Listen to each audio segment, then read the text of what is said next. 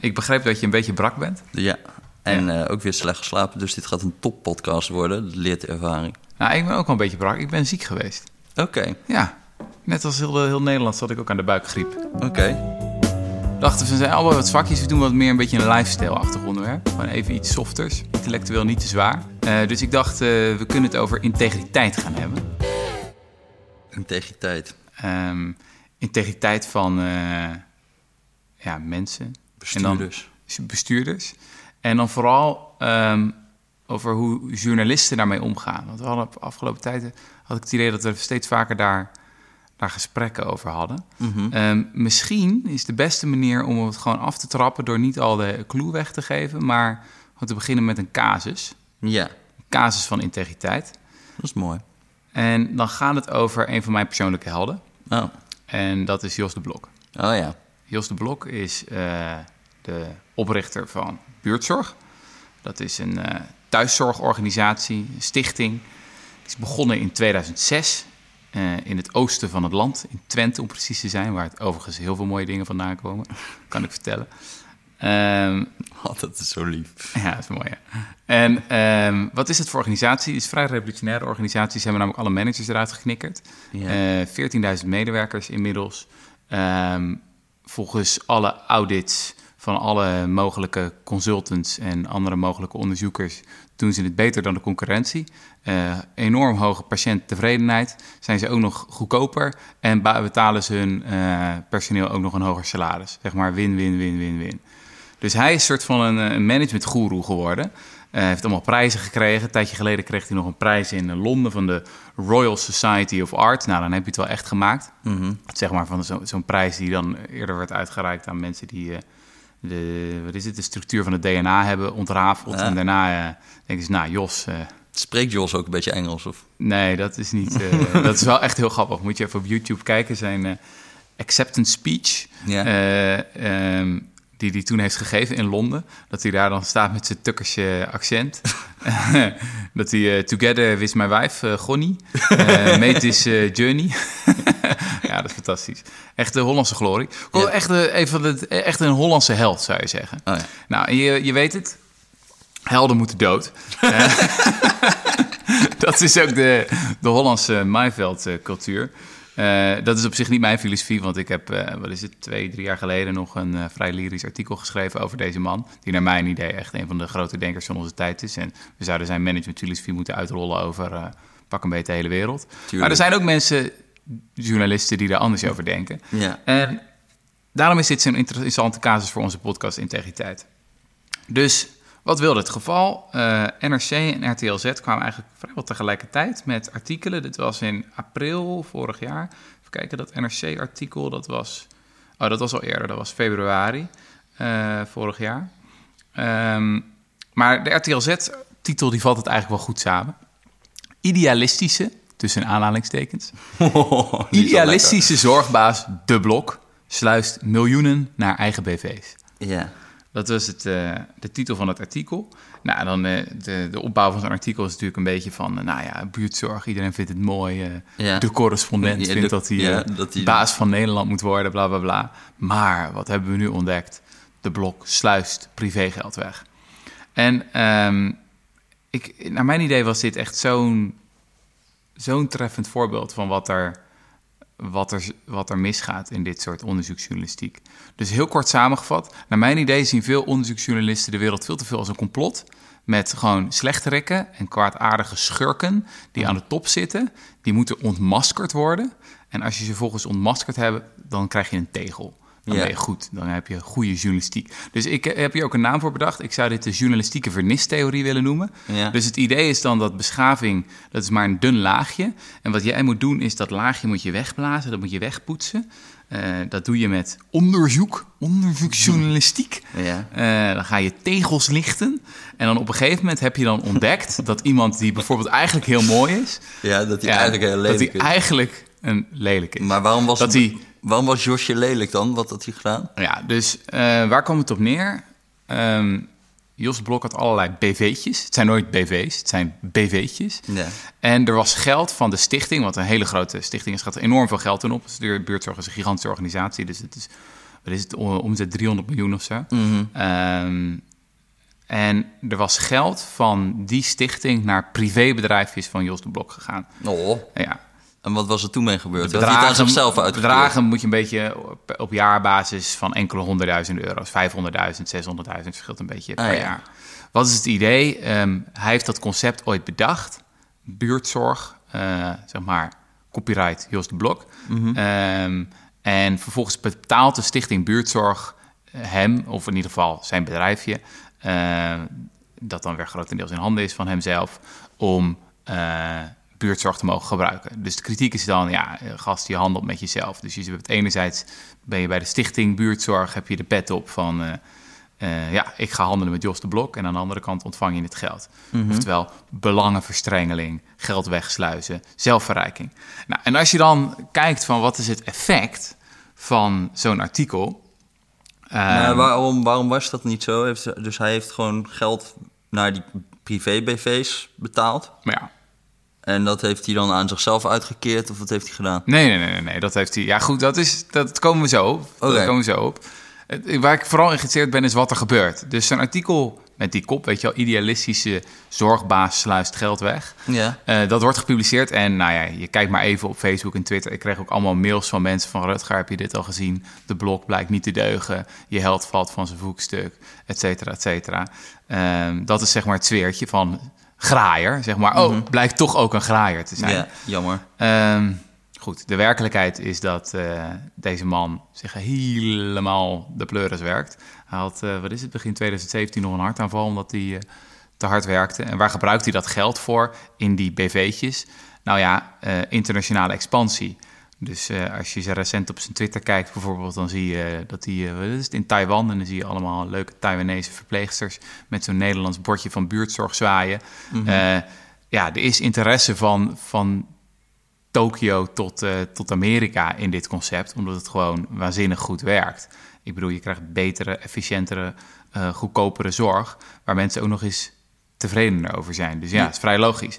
En hij, heeft, hij, is een man met een missie en hij wil dat gewoon uitbreiden over de hele wereld. Nou, daarvoor gebruikt hij dus eh, eh, dat geld. Helemaal niet voor zelfverrijking. Ik heb hem zelf toen geïnterviewd. ehm, op het kantoor in eh, Almelo. Nou, ik kan je vertellen, ik ben op veel plekken, lelijke plekken in de wereld geweest. En misschien was het ook het contrast Maar met het verder... bij zijn huis geweest. hè? Daar gaat al het geld in zitten, omdat het weggesluit wordt. Ik heb wel zijn auto gezien ook. Verkeerde- Nou ja, verkeerde ik heb ook geen eh, hoge eisen stel ik aan auto's, maar dat zag ook al niet altijd best uit. Nee. Eh, maar goed, dat zei eh, NRC dan ook trouwens, heel duidelijk. Ik vond trouwens dat NRC ook een aanzienlijk genuanceerder artikel hierover had dan RTL Z. Ehm, eh, het was ook echt duidelijk van geen enkele aanwijzing tot zelfverrijking. Later is nog een of andere commissie geweest van een of andere koepel waar ze bij zitten.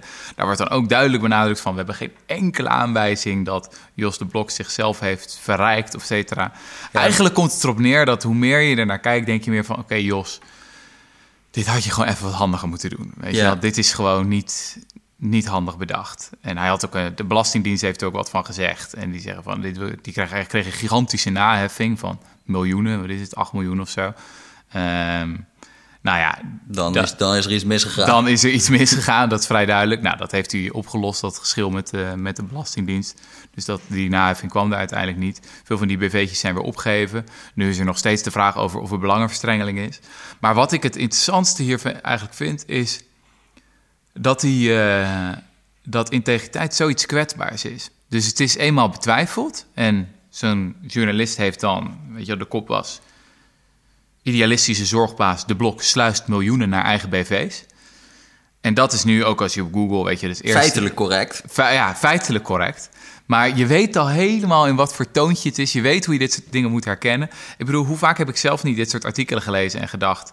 Of alleen de kop Ik- en de ik- intro ik en heb wel gedacht... eens oh, geschreven ook, geloof ik. en geschreven en dan gedacht, oh, die is ook weer neer. Ja. En eh, ja, Nou ja, weet je ik heb daar de laatste tijd wel echt veel meer moeite mee met dit soort journalistiek. Ja, ik ook, ja, ja. Ik weet je wat mij opviel ook? Ze stond dan in dat RTL-ding, stond ook van... Ja, we hebben al meer dan een jaar, doen we hier onderzoek naar. Dat is meestal al een beetje een red flag, want al meer dan een jaar ermee bezig, dan is het een beetje de vraag: is dit nou een verhaal waarschijnlijk? Oh ja. Snap je? Ja. Dus dan, anders dan had je, was het al lang opgeschreven. Ja. Dus dan hadden ze echt al een, een jaar daarvoor hadden ze al een keer met de blok hierover gebeld en zo. Ja. Dus dan zweeft het zo een beetje in de lucht. Ik zag ook, NRC was ook heel lang mee bezig al. Ja. En uiteindelijk, en daar heb ik ook een beetje een broertje dood aan inmiddels, de schijn van belangenverstrengeling. Dat wordt al heel snel iets waardoor iemands hele integriteit uit, uit elkaar valt. Mhm. Maar dat is de schijn van. Als je, niet, als je uiteindelijk dan niet aantoont van... heeft hij zichzelf verrijkt? Nee, staat gewoon in dat artikel ergens in het midden staat dan... Hij, er is geen sprake geweest van zelfverrijking. Hij heeft dat geld niet aan zichzelf uitgekeerd... of er is geen enkele... Nee. Dus de concrete misstand is er niet. Nee. Er is alleen de schijn van dat dat ooit eens zou kunnen gebeuren... mogelijk in zoiets. Ja. Er is de mogelijkheid dat hij iemand een klap heeft verkocht. Of iemand Ja, het heeft zou- neergeknald. Of er is... Ja, wat is dit? Ja, dan wordt, het, dan wordt het gewoon een beetje... Dat is gewoon niet zo sterk, vind ik altijd. Het is gewoon best wel dun. En je kan daar heel makkelijk... kan je, op, kan je die dingen heel groot maken. Ja. Het is eigenlijk een beetje de, de, de, bijna de correlatie-causatie denkfout doet. En denken van, je hebt een vage correlatie aangetoond van... eh, ja, dit gebeurt Maar ik heb dit dat ook wel gedaan hoor. Vroeger, vroeger ging ik dan van die economieprofessoren... die dan ook zich lieten betalen door de vastgoedsector. En dan zei ik van, nou kijk, hij zegt hele vriendelijke dingen over vastgoed... En hij, hij heeft ook, weet ik veel, hij krijgt ook eh, wel eens, eh, is hij op een congres aan het spreken voor vastgoed. Ja. Ik zou dat nu gewoon niet meer doen. Ik vind dat gewoon eigenlijk altijd een beetje zwak of zo. Want ik denk echt niet dat dat zo werkt. Ja, dat is ook gewoon correlatie, eh, causaliteit. Ja, en dat is ook misschien een voorbeeld van dat je dat mensen dan niet op het congres van, de, van het vastgoed zitten uit kwaadaardigheid. Van ja, ik laat me lekker betalen, want ik doe het puur voor het geld. Maar meer dat ze gewoon echt ook vinden wat die mensen van Ja, het congres ja. van het vastgoed zijn. Dat ze opre- en als ze iets anders het- hadden gevonden, hadden ze er niet gestaan. Nee, precies. Maar dat, dat is meer capture of zo, noemen ze dat toch in het Engels? Ja, en, en, en ook daar, wat ik daar, denk, wat ik daar denk, want nu maak je dat zelf ook wel eens mee. Zo gauw je zeg maar in contact komt met die mensen die jij ziet als slechterikken. Weet ik veel, deurwaarders bij mij was dat dan. Mhm. Ja, dan, dat is misschien dan het effect van dat je op zo'n congres spreekt. Dan praat je met die mensen en dan blijkt, oh ja, het zijn ook gewoon mensen. Het is een beetje moeilijk om die mensen dan als slechterikken te zien. Ja. Als je ze eenmaal een keer hebt gesproken. Ja. Dan kan je zeggen dat is capture, maar misschien is dat wel wat meer redelijkheid. Ja, ja, ja, Snap je? Ja, Dus- ja. Ik heb ook echt, door dit soort, doordat je wat langer in het vak zit, want ik denk dat ik vroeger ook meer er zo naar keek als jou, meer van de journalistieke vernistheorie was, van de wereld is een complot. Mhm. En er zijn gewoon allemaal mensen aan de top en die deugen allemaal niet en die moeten we ontmaskeren. Mhm. Maar hoe langer je in het vak zit, eigenlijk hoe, ja, hoe meer sympathie ik be- begin te krijgen voor de mensen ja, met de poten in de modder. En hoe minder sympathie ik voor journalisten begin te krijgen die zelf nooit hebben ervaren wat het betekent om zo'n aanval op iemand te openen. Weet je wel? Als journalist zou je moeten weten dat als je zo'n zo'n kop bijvoorbeeld doet, of zo'n verhaaltje zo suggestief opbouwt, dat 80% van je lezers het interpreteert als van. Oh ja, dus de blok is een soort van Diederik Stapel, een soort van Rijkman Groening. Gewoon een graaier. Gewoon weer iemand die we op het kerkhof van eh, ja, gevallen Nederlanders kunnen bijgooien. Ja, Dat zou je, vind ik, moeten weten als journalist. En sterker nog, ik vermoed ook dat ze het weten en denken van... oké, chill, dit verhaal gaat scoren. Ja. Het gaat kliks opleveren. Ja. Ik heb, hem, eh, ik heb hem neergehaald. En dat is dan ons ideaal van wat goede journalistiek is, weet je wel? Dat is... eh, dan heb je de Watergate eh, van onze Ja. tijd, weet je Nou ja, maar er zijn ook natuurlijk onthuld? wel, er zijn wel Watergates, maar ik denk dat er te veel worden gezien voor hoeveel er daadwerkelijk zijn. Dat is het. Gewoon, je bent te snel, wil je iets een Watergate maken, terwijl het dat gewoon niet is meestal. De meeste dingen zijn dat niet. Ja, je, had Je één- merkt het ook nu, maar misschien moeten we het daar eigenlijk helemaal niet over hebben, want dat is heel onverstandig. Ja. Maar met dat de correspondent vond ik heel grappig. Ja, laten we ons eigen straatje Laten we ons ja. eigen straatje even. Ja. Nou ja, kijk, het was heel erg op een gegeven moment waren er allemaal artikelen ook over, de, over die crowdfunding van de correspondent. Mhm. Waarin eigenlijk werd gedaan alsof we de boel hadden opgelicht. Ja. Door gewoon eh, eh, te zeggen dat we naar New York zouden gaan, maar dat uiteindelijk niet deden. En zo hebben heel veel mensen dan gedoneerd aan ons en die eh, hebben eigenlijk niet gekregen wat ze wilden. Ja, er was ook een artikel van de eerste medewerker die we, en we is trouwens, ja, jij en ik zijn hier totaal niet bij Nee. betrokken, maar we zeggen wel we omdat we bij de club horen en omdat Ja. we eh, ja, echt Hard voor de zaak hebben. Ja, echt van die groepsmensen zijn wij. Ja. Ehm, ja, die was aangenomen eerste medewerker in de VS. En die heeft wel, nou ja, vrij pittig interview afgegeven. Waarin ze zei van, ik voel me ook opgelicht. Ja. Ik dacht ook dat we in Amerika zouden blijven. Ja, Eh, dat was wel een beetje pijnlijk. ja was een beetje pijnlijk, ja. Maar goed, inderdaad, dan wordt het beeld neergezet van Rob, Rob Wijnberg en Ernst Jan. Ernst Jan Fout, de oprichters van de founders. De van founders. De correspondent.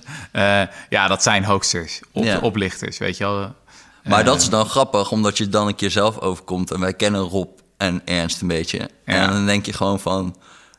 Ja, zeg maar, je probeert strategie te ontwaren... waar het probleem eigenlijk is dat die er niet is. Nee, inderdaad. Dus het is gewoon meer van... Waarschijnlijk hebben ze het zelf altijd gewoon vaag gehouden, ook tegen haar. Ja, Weet je, het, ik- het, het, is, het is gewoon ook een soort die marketing met allemaal dat ze in een, in een, in een taxi in New York zitten en eh, allemaal van dat soort filmpjes gaan. eh, ja, Wat ik meer het denk- vond, is dat je, dat je dan van dichtbij ziet dat van mensen die gewoon integer zijn. Weet je, die het hart echt op de goede plek hebben.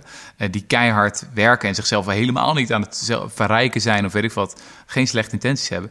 Die worden dan weer neergezet als van ja, weet je wel. Ja, ja, ja. niet. Ja, Nou, zie dat- je dat- wel weer. Maar het is ook heel erg die behoefte volgens mij. En misschien is dat ook typisch Nederlands. Van, Nou, dit was in eh, Amerika zelfs. hè. Gewoon, Ja, maar daar hebben wel mensen in Nederland ook, Ook heel erg van genoten. van genoten. Maar dat komt maar ook- goed, wij, wij doen het zelf ook. Ik bedoel, ik vond, dat vond ik echt de grootste takeaway van die hele eh, correspondent. eh, ja, hoe zeg je dat? Drama. Saga. Saga.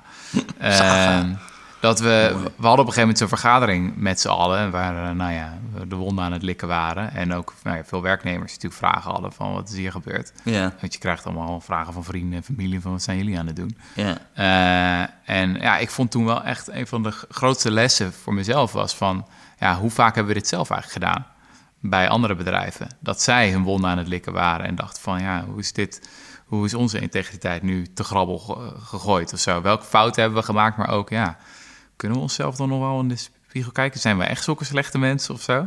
Ja, ja, ja, ja, ja. Ehm, ja, hebben we het Ja, zelf het ook is, wel eens het is gedaan? grappig omdat je dan, eh, je krijgt gewoon, er gaan dingen mis en dan ga je daar heel snel een strategie achter zoeken. Ja. Dus dat het gewoon, eh, Ja, is dat niet sowieso dat er ook in politieke journalistiek wordt er veel te veel strategie de hele tijd verondersteld? ja. Dat klopt. mensen de hele tijd allerlei plannen hebben. Ik denk ook dat dat een probleem is van dat, dat de mensen, als, als mensen langer gaan nadenken over een beslissing dan er überhaupt over die beslissing is nagedacht. Dat doen journalisten vaak. Die kijken naar iets, dat heb ik ook heel vaak gehad. Ja. Dan probeerde ik iets te reconstrueren van waarom was dit gebeurd. Mhm. Maar dan had ik er waarschijnlijk al meer tijd aan besteed om na te denken hoe dit was gebeurd dan de mensen die die beslissing hadden gemaakt. Ja. Ja. En dan is het eigenlijk best wel raar. Ja. Want dan, dan, ga je, dan, want dan ga je op een gegeven moment sowieso meer regelmaat en eh, rationaliteit daarachter zoeken dan er überhaupt is geweest. Ja. Ja. is ook teleurstellend dan, dat dat er dan niet is. Ja, ja, ja. maar nog even deze gedachte. Ja. Is het niet interessant dat er een hele beroepsgroep is die eigenlijk dingen aandoet, om het hard te formuleren aan andere mensen, die ze zelf nooit hebben ervaren? Dus dit zijn allemaal Ja, journalisten iedereen die. natuurlijk. Maar wacht even, die Chirurgen. Ik ga even het punt. Ja, oké. Maar ik ga even het punt afmaken. Je hebt allemaal journalisten die er dan ook nog opereren achter een merk. Dus het zijn, als je de namen opzoekt, zijn het altijd dezelfde. Eh, maar die zitten dan achter NRC of achter RTLZ. Weet je wel? Dat zijn gewoon. In de praktijk zijn het één of twee gasten die geobsedeerd zijn met één of thema. Of heel lang ergens in hebben geïnvesteerd en denken: ja, nou moet er ook een artikel uitkomen. Eh, en wiens eigen integriteit nooit is betwijfeld. Weet je, dat, en ze denken van ja, dat hoort gewoon bij, eh, ja, als je, als je wil opkomen, dan moet je klappen vangen of zo. Maar volgens mij, als ze dat zelf een keer zouden meegemaakt, dan zouden ze echt aanzienlijk eh, voorzichtiger zijn. Zouden ze echt met veel grover bewijsmateriaal willen komen voordat ze echt zeggen: oké, maar wacht even, jij bent echt, eh, jij deugt niet of zo. Ja, en ik- naar mijn idee zat dat verschil al wel tussen de berichtgeving van NRC en eh, RTL Z hier. Dan zie je volgens mij toch wel een beetje kwaliteit in berichtgeving. Dat je bij NRC wel ziet in de formulering van... oké, hier heeft iemand op de rem getrapt. Van, jongens, hebben we echt genoeg materiaal om hem aan de, aan de schandpaal te nagelen. Ja. Dit moeten we ja, ik vind het niet raar dat mensen dat niet altijd zelf hebben ervaard, ervaren. maar ervaren. Ja. Maar het is, wel, het is wel gezond als ze dat een keer zouden doen. Ja, En ik denk dat de standaarden om mensen persoonlijk aan te vallen gewoon soms wel heel erg laag zijn. ja, Je, kan, je mag dat echt al best wel snel doen. ja. En er is ook, het is ook gewoon heel moeilijk voor, voor iemand om zich daartegen te verdedigen. Ja. Als je dat eenmaal doet. Ja, want integriteit is gewoon iets wat je hebt. Dat wordt verondersteld. En als het eenmaal betwijfeld is, dan, ja, dan is het gewoon waar rook is, is vuur. Dan is Ja. het zo moeilijk om terug te winnen. Ja, Dan is het altijd van, dan ben je die gast waar dat luchtje aan zit. Maar wat het ook denk ik is, is dat het gewoon vaak makkelijkere verhalen zijn. Dat als er gewoon ehm, als een soort van. eh, nou, dat viel me altijd op met die belastingen bijvoorbeeld. Met die, eh, dus dat, je, je had altijd over belastingontwijking. Was één type verhaal wat altijd veel beter viel, was van rulings. Dus je, je hebt van die afspraken met de Belastingdienst die multinationals dan maken, waar ze op voorhand zekerheid krijgen over bepaalde dingen. ja. Dus eh, we gaan nu dit. We gaan nu deze, dit bedrijf openen in Nederland. En dan ga je met de Belastingdienst even onderhandelen hoe gaat, die, eh, hoe gaat dit belast worden. En het idee was daarbij, bij al die verhalen, eigenlijk een sfeertje eromheen van, nou, dan, dan is er een of andere ambtenaar en dan ga je even een handjeklap mee doen en dan krijg je, betaal je minder belasting. ja. En zeg maar, zo werkt het niet echt. het is gewoon, het is, het is niet een soort van, er zijn, is gewoon een wetgeving. En je hebt bij de Belastingdienst mensen die zeggen gewoon op voorhand, een speciaal team rulingbeleid. En die gaan kijken van, eh, eh, kan dit wel volgens het eh, belastingrecht? Nou, is het verhaal meer, belastingrecht is gewoon niet zo zwart-wit als jij denkt.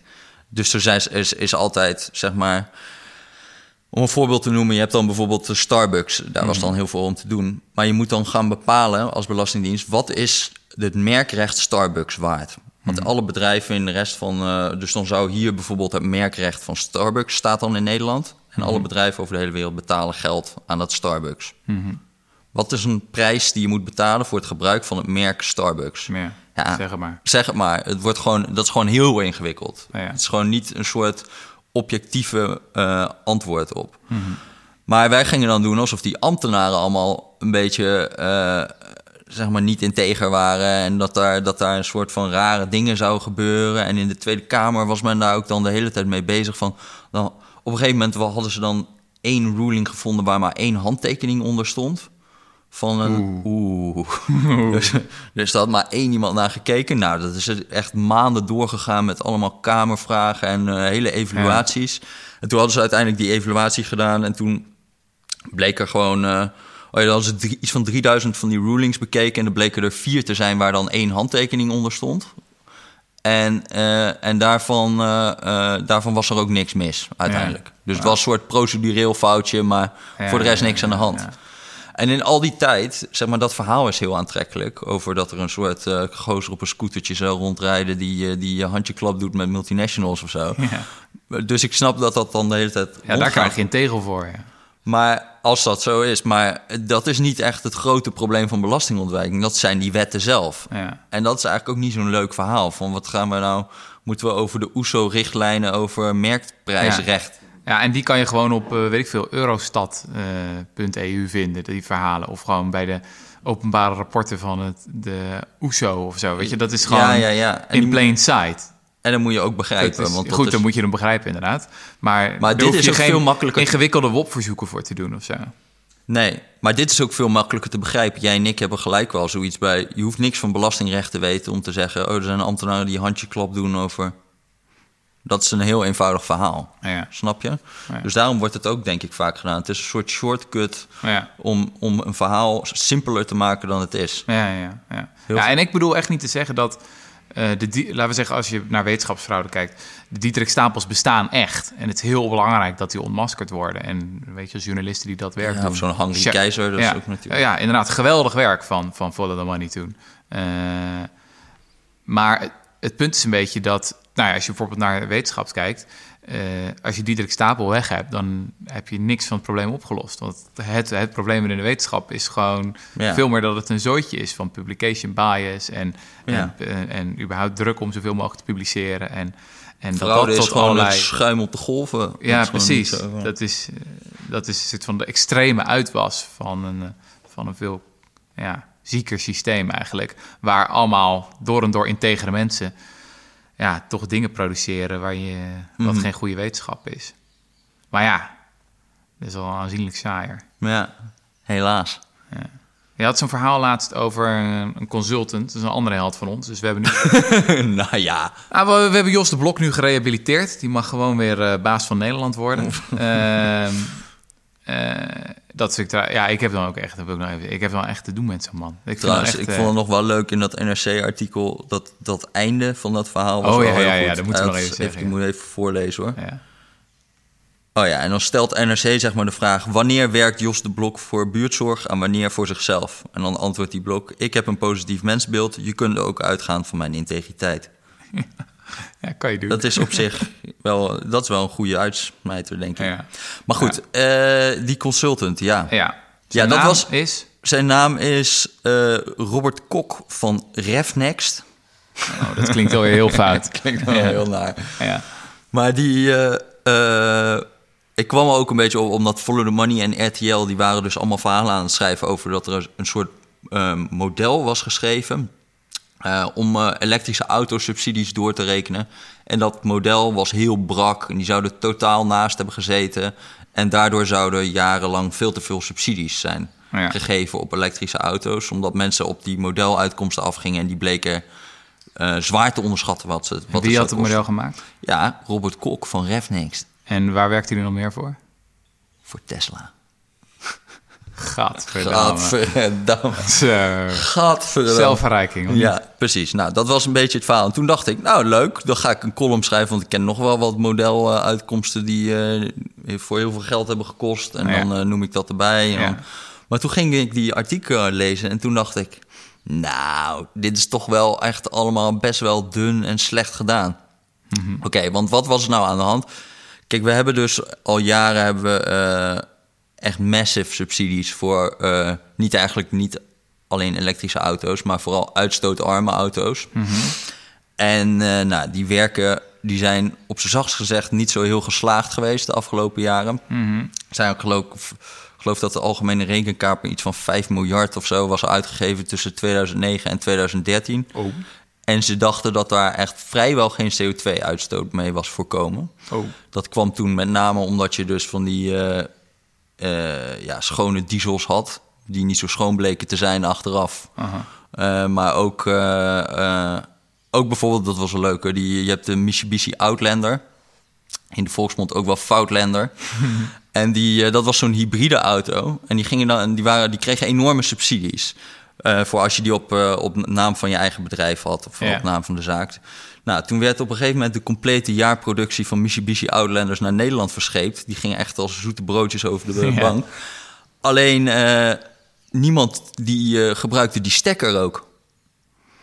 Snap je? Dus niemand reed elektrisch uiteindelijk. Oh Dus- god, wat erg. Dus dat, dus dat hele ding, ook omdat het op naam van de zaak is, dus mensen boeit dat maar gewoon dat niet. zijn wel echt Sovjet-achtige toestanden. Ja, dat was echt dramatisch. Dus nou ja, dat, eh, er waren ook allemaal rapporten over verschenen... over Ja. dat dat dus niet zo, eh, niet zo geslaagd was. Dat het enorm veel heeft gekost ehm, voor heel weinig uitstoot. eh, opbrengst, bla bla bla bla bla. Mhm. Ehm, maar die rapporten die waren dus ook geschreven door Robert Kok van RefNext. Ongelooflijk. Oh, Precies diezelfde gast. Ja, dat is dus die gast die er nu van wordt beticht... dat hij een soort Tesla-vriendelijke consultant is... die het hele beleid, zeg maar, heeft gestuurd in een, in een richting... dat we veel te veel subsidie ver- verlenen. Oh, je wil dus zeggen dat hij eerst klokkenleider was en daarna zelfverrijker. Ja, dat is dus... Dus, dat is helemaal een complot. Dus, dit. dus, dus wat mij betreft eh, heb je dan al een soort plausibiliteitsprobleempje met als je artikelen gaat zitten schrijven over van deze man heeft de boel liggen bedonderen door veel te gunstige modellen te schrijven. Ja. Want als je al die rapporten leest, dan heeft hij de hele tijd waarschuwingen over ja, er zijn eh, grote onzekerheden en dit kan, eh, dit kan uit de klauwen lopen. We moeten eh, uitkijken dat er niet forse overstimulering is, bla bla bla bla. Ja, als je die niet leest, dat is prima. Ja. Maar dat staat er toch echt. Maar goed, dat boeide dus allemaal niet voor, voor RTL en zo. Die zijn toen allerlei artikelen gaan schrijven... waarin dan de indruk werd gewekt alsof, alsof hij... dus wat, wat er een van de grote problemen was... was dat hij op een gegeven moment had voorspeld... er gaan 11.000 elektrische auto's verkocht worden in 2018. En dat werden er dan eh 26.000, geloof ik. Mhm. En dat was eigenlijk de basis voor al die artikelen. Van kijk, het zijn er twee keer zoveel geworden als gedacht. Nou, en toen kwamen er ook kamervragen over van Pieter Omtzigt. Toen kwamen er artikelen over die kamervragen. Toen kwamen er weer kamervragen over die artikelen. Toen kwamen daar weer artikelen over. En zo werd het gewoon zeg maar een soort zelfversterkend ding. Totdat die man in één keer voor een hoorzitting moet gaan komen in de Tweede Kamer. Omdat zijn model helemaal ernaast zou zitten Ja. en er allerlei problemen mee zou zijn. En als je nu dan googelt op zijn naam... of familie en vrienden vragen hem van... eh nou, Rob, Ja, wat hoe ben jij eigenlijk het? aan het doen? eh? Ja. ja, ik, nee. vind dat, ik heb dan zo te doen. Met, ik vind dat echt heel zielig. Ja, ja nee, het- dat was ook niet, dat was ook niet zo best, nee. Nou ja, en er was ook dus, wat heel erg daar werd gezegd van... Het is ook een beetje raar dat je dus een consultant hebt... die een model schrijft voor, de, eh, voor autobelastingen. Ja. Want normaal heb je gewoon het CPB en het PBL, de planbureaus... die maken die modellen. Ja. Alleen ze moesten dus nu het klimaatakkoord gaan doorrekenen... waarin weer allerlei elektrische autosubsidies komen. En daar hadden ze snel iets voor nodig. En hij is de enige die zo'n model heeft liggen. ja. Dus toen hebben ze zijn model gebruikt. En daar werd dan heel erg omheen gezegd van... ja, het is een soort black box. We weten helemaal niet wat daarin zit. Ja, ja. En, eh, eh, en toen op een gegeven moment kwamen dus ook kamervragen van die omzicht. En die vroeg van, eh, ja, hebben PBL en TNO en zo... hebben die hier wel naar gekeken, naar dit model? En toen heeft iemand daar heeft geantwoord... ja, ze hebben het model gevalideerd. En toen, eh, toen bleek later, toen belden ze PBL... en gevalideerd is echt een soort wetenschappelijke term. Dat betekent Ja. dat je helemaal de modeluitkomst hebt gecheckt... op de werkelijkheid Ja, ja. en bla, bla, bla. ja. En eh, toen zei PBL, nee, ja, het is helemaal niet door ons gevalideerd. Nou, toen was het helemaal van, wow, eh, liegen tegen de Kamer, weet ik het allemaal. Oh. Nou heb ik me door iemand op het ministerie van Financiën laten vertellen... dat, eh, dat hij zich goed kan voorstellen dat er gewoon een of andere ambtenaar daar is geweest. Die heeft gezegd van, eh, nou ja, PBL en TNO hebben er naar gekeken. We schrijven gewoon op gevalideerd. Die hebben helemaal geen kennis van dat dat een soort wetenschappelijke lading heeft. Ja, ja, ja, en die ja, heeft ja, toen dat ja, in de ja, Kamervraag ja, gewoon gezegd... ja. nou ja, het, Ja. is gevalideerd. Ja, dus ook weer men veronderstelt een complot. Terwijl wat er gebeurt is gewoon een beetje miscommunicatie. Ja, onkunde. waars- waarschijnlijk En wel. hoe kan je in vredesnaam ook iets valideren in deze zin? Überhaupt, als je, ik bedoel, dit is toch een volkomen onbekende markt. We hebben toch geen idee. Ja, hoe dat kan je is- weten, dat is hoe dus kan ook- je dat is dus ook nog- je hebt valideren? Ja, je hebt in die betekenis van het woord van... hoe kan je valideren, hoe kan je valideren van... Ja, aan de Eh, hand de- van die 19e markt die eeuwse bestaat- data over elektrische auto's of zo.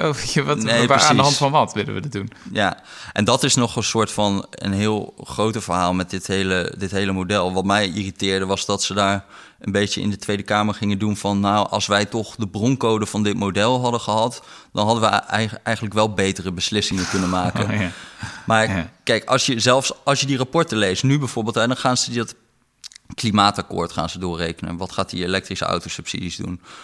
Stel dat je helemaal niks zou subsidiëren. Dan komt uit dat model, zeggen ze in 2030... is ergens tussen de 4 en 44 procent van alle nieuwverkoop van auto's is elektrisch. Tussen de 4 en 44. Dat is zeg maar zoveel onzekerheid dat je eigenlijk denkt van ja...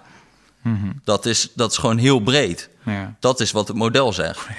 Dus het is sowieso een beetje dom om beleid te gaan maken op iets wat zo onzeker is. Eh, en dan gaan denken dat dat model de hele waarheid in pacht heeft. Of zo. Nee, je moet gewoon gaan kijken wat gaat er gebeuren. En we sturen een beetje bij. En het geeft een beetje een richting aan. Ja. Maar je kan niet verwachten dat dit jou een soort klip-en-klaar antwoord geeft op wat je gaan, moet gaan doen. Maar, En dat, dat pretendeert hij ook helemaal niet. Dat staat er ook niet in, in dat model. Nee. Je moet gewoon, de Tweede Kamer moet gewoon een beetje Ja. opletten. Maar voor zo iemand is het uitermate frustrerend. Want je zit gewoon je werk te doen.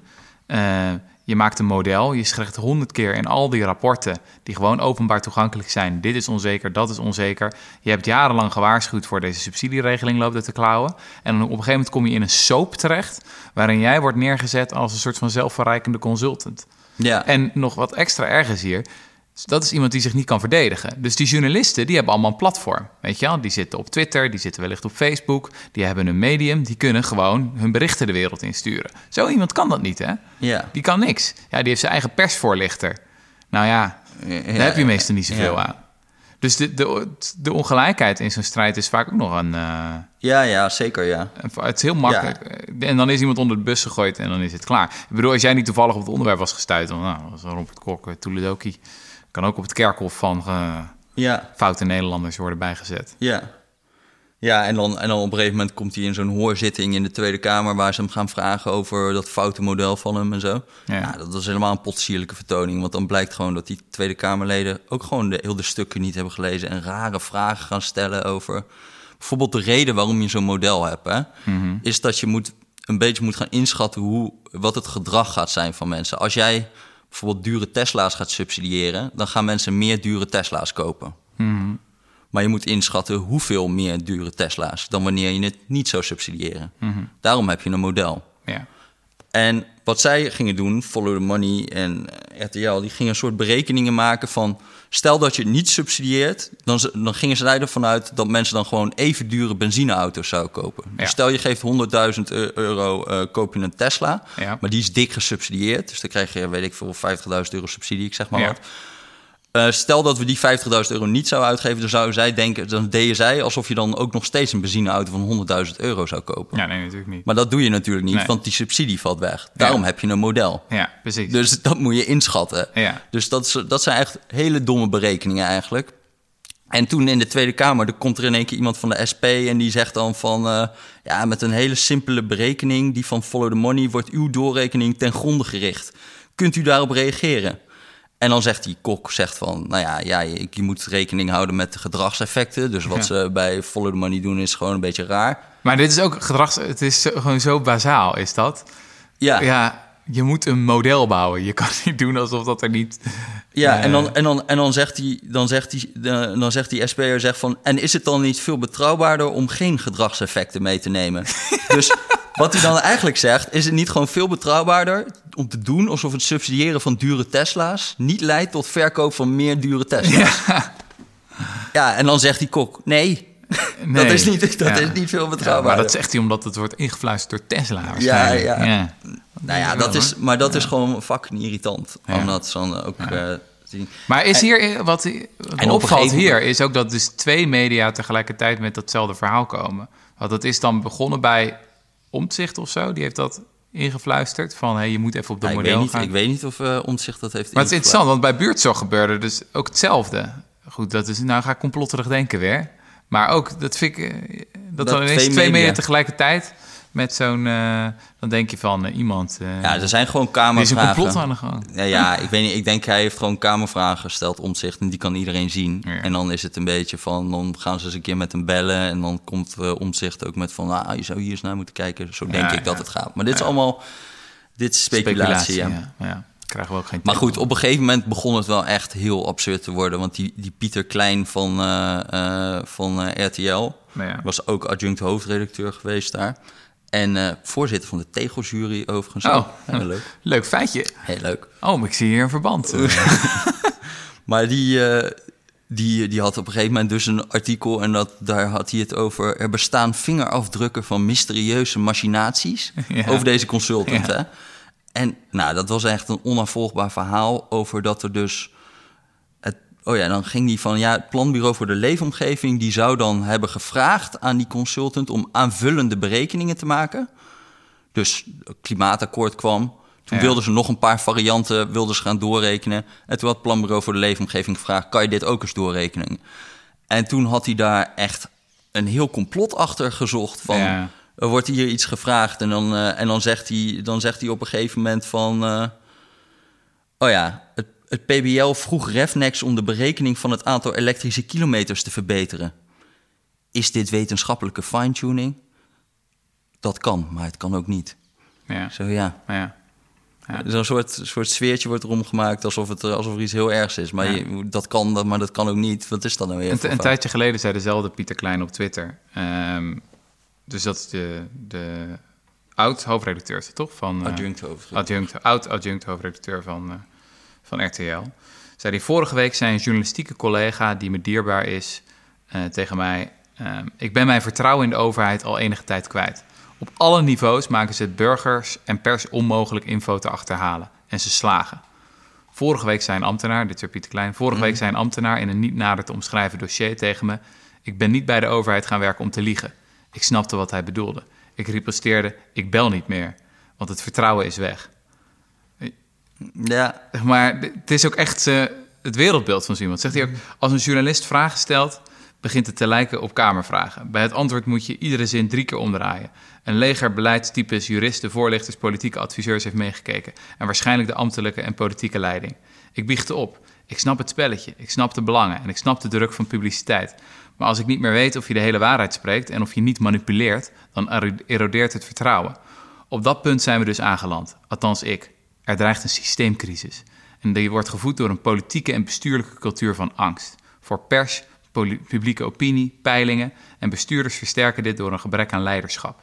Er is een omwenteling nodig naar radicale transparantie en verantwoording, naar een andere bestuurscultuur. Open, soeverein, onverstoorbaar en eerlijk. Ik ben het zot. Ik ben het zat. Beste woordvoerders, voorlichters, PA's, bestuurders, politici, alstublieft, denk erover na. Einde tweetreeks. 551 retweets. ja, ik weet niet hoor. Ik denk, uh, is dit nog journalistiek? Dit is gewoon... Uh, daar, voor, ik, voor mij moet je nou, dan even met gewoon... sabbatical... Uh, dat je gewoon de wereld zo als een complot bent gaan zien. Ik bedoel, tuurlijk, het is verschrikkelijk. De dictatuur van peilingen. En tuurlijk, er zijn allemaal verschrikkelijke PA's en voorlichters, et cetera. Maar dit is gewoon, als je met zo'n blik op de wereld je werk gaat doen, dan ga je overal complotten zien. Ja. Dan, dan ga je overal onintegere tuig zien die je tegenwerkt. En dan ligt nooit meer iets aan je eigen falen. Ja. Nee, klopt, zeker. Dat denk ik ook. Dan moest er even uit. Ja. Zijn we er dan, of niet? Ja, uh, doen we volgende keer doen we jouw integriteit. uh, nou, de mijne is natuurlijk... Uh... Ja, optimaal. Heel goed. Ik vond het wel weer genieten. Ja, het was gezellig. Ja. Tot de volgende keer. Tot de volgende keer. Oh, en koop Jelmers boek trouwens. Oh, koop Jelmers boek. En we willen ook nog die Beyond Burger, want die is nog steeds niet geleverd. Ja, die, hebben nog niet die is nog niet geleverd, nee. Ja, dat is vervelend, ja. Maar koop Jelmers boek, hoe gaan we dit uitleggen? Ja, fantastisch. Ja, tabé. Doei.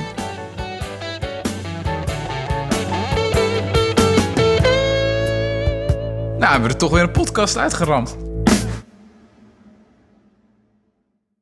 Wat is dat? En, en, en uh, weet ik niet. Weet je niet, het is een microfoon.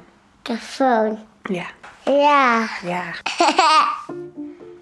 Dus ik had eh, het een en ander gepubliceerd over het krijgen van een tweede kind en over broertjes en zusjes. En uh, dan krijg je inderdaad af en toe de reactie: nou, is dit nou waar we ons druk over moeten maken op de correspondent? Waarom niet Syrië? Waarom niet het klimaat? Er gaat ook iets van uit van, van het gezin, dat is privé, dat is niet serieus en niet belangrijk.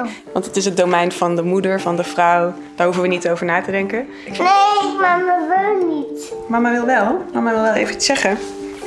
Eigenlijk is die vraag doe ook weer zo. Niet, um... Doe maar niet. Mag mama niet praten? Nee. Het wordt moeilijk, want mama en ik moeten een podcast opnemen. Ja. Snap je? Binnenkort komen wij, ik, Jair Stijn... En ik, Limberger. Met een nieuwe podcast. De tweede, op zoek naar het standaard gezin. Met bijzondere verhalen van ouders en kinderen. Over hun angsten en twijfels, hun dromen en verwachtingen. We gaan op zoek naar de mythe en de laatste inzichten uit de wetenschap... over jaloezie, geboortevolgorde, enig kinderen... en de vraag wat het betekent om altijd nummer twee te zijn. En we vertellen over onze eigen ervaringen. Ja? Ja. Als ouder en als kind. Auw! Niet bijten. Omdat we willen weten hoe het gemiddelde Nederlandse gezin functioneert. Aangezien we daar worden wie we zijn. Vandaar dat we een oproep plaatsten op de correspondent. Nou ja, dat komt nu dus al, dit is drie dagen geleden, ook vier dagen geleden. Zoiets. En daar, ik wilde zeggen, druppelen de reacties binnen, maar eigenlijk stromen ze binnen. Ik was ook echt, ben bij sommige verhalen van mensen echt geraakt. En dan heb ik ze alleen nog maar gelezen, niet eens gehoord. De eerste verhalen zijn we nu aan het opnemen. Het was heel sereen eigenlijk met z'n drietjes. Natuurlijk veel, veel werk, omdat het de eerste is en uh, alles is nieuw. Maar uh, eigenlijk heel behapbaar. En vanaf het moment dat een tweede komt, is het natuurlijk totale chaos. Binnenkort bij de correspondent. De tweede.